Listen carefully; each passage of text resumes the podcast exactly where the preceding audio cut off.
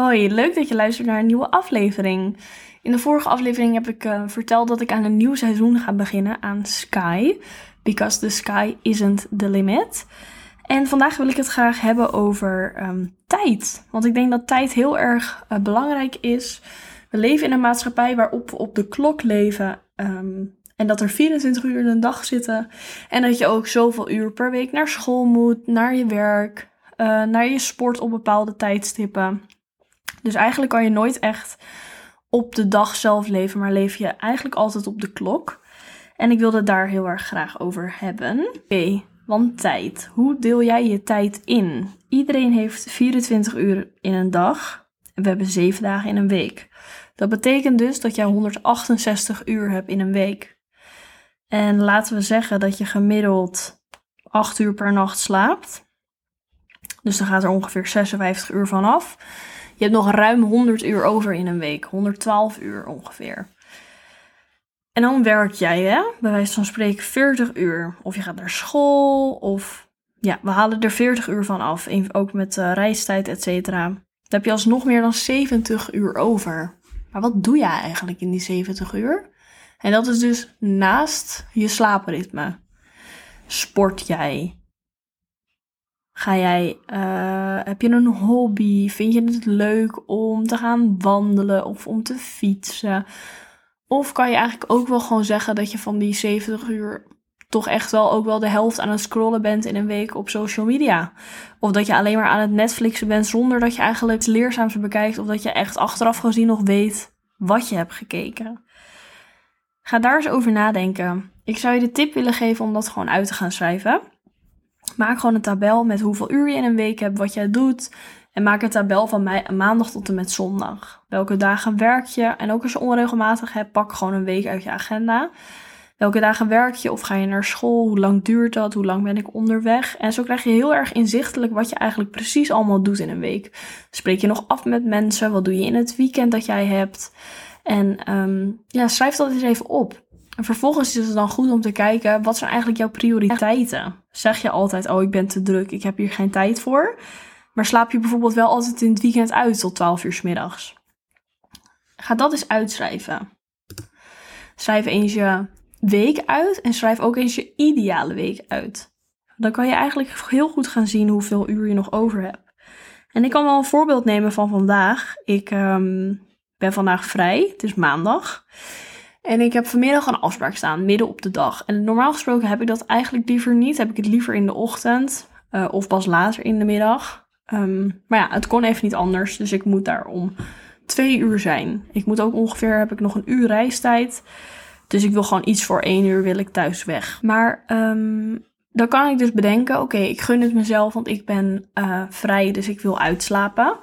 Maar misschien wil ik dat eigenlijk wel helemaal niet, omdat ik nog een hele grote to-do-lijst heb. Ik weet dus ook dat er uh, na mijn afspraak vanmiddag een vriendinnetje komt. Die komt hier eten. Dan gaan we ons plan uit uh, ja, schrijven, noem je dat zo. En boeken voor Bali. En uh, waarschijnlijk gaan we samen ook nog een podcast opnemen. Maar in ieder geval, ik heb dus als ik terug ben ook nog genoeg te doen. Maar ja, ik wilde gewoon wel heel erg graag het huis opruimen. Het huis schoonmaken. Ik moest de was doen. Ik moest de was opruimen. Uh, ik wil gewoon nog um, misschien wat boodschapjes doen. Ik wil deze podcast opnemen. Ik ben nog met allemaal andere dingen bezig. En toen dacht ik, oké, maar mijn vriend die moest om nou, zes uur, kwart over zes uit bed, omdat hij om zeven uur moest werken. Toen dacht ik, als ik gewoon vanaf een uur of zeven ga wassen, dan ben ik in ieder geval wakker als hij ook wakker is. Geef ik mezelf nog heel even de tijd om rustig wakker te worden. En dan ga ik daarna mijn bed uit. Op dit moment dat ik dit opneem is het half elf. Het is half elf. Ik heb een kopje thee en ik heb mijn telefoon naast me, omdat ik ook een TikTok aan het maken ben vandaag. En um, ik heb al vier wassen gedraaid. Het hangt allemaal al, of het is al in de droger geweest. Ik heb het huis opgeruimd. Ik heb het huis schoongemaakt. Ik heb de badkamer schoongemaakt. En ik heb alles afgestoft. En op dit moment heb ik dus gewoon alle tijd om even mijn podcast op te nemen met mijn kop thee. Ik moet zeggen dat ik voor mijn afspraak ook nog naar een vriendin wilde gaan. Maar dat ik gewoon merkte dat ik nog best wel dingen op de planning heb staan. Um, dus dat ik dacht, ik doe dat eigenlijk liever niet. Ik heb gewoon ervaren in de laatste tijd dat ik het liefst maar één of twee afspraken op een dag heb als ik vrij ben. Omdat ik ook gewoon nog de dingen eromheen wil doen, zoals mijn hobby's en het schoonmaken en opruimen. Uh, want stiekem geniet ik ook heel erg van schoonmaken en opruimen. En ik hou er gewoon van om ook gewoon rust te ervaren. om lekker te kunnen lezen en om ehm, ja, lekker met dingen bezig te zijn waar ik energie uit haal. En ik had vandaag dan dus eigenlijk drie afspraken staan.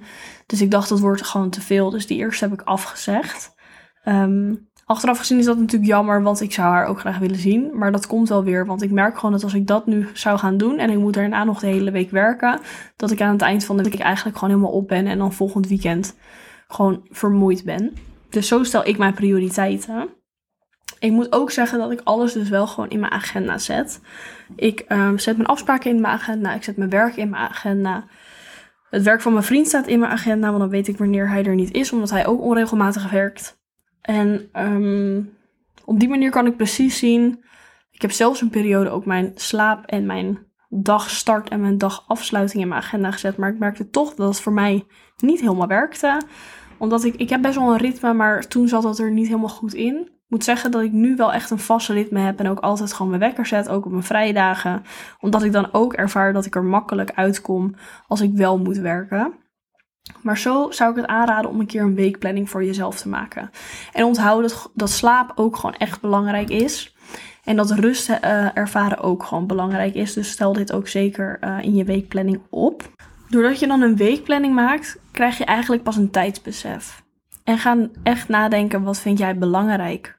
Um, als jij denkt, ik wil gewoon van baan wisselen, of ik wil misschien een nieuwe opleiding gaan doen, of ik wil zelf een onderneming starten, of ik heb een onderneming, ga dan eens kijken hoeveel tijd jij nog over hebt naast de baan die je op dit moment hebt.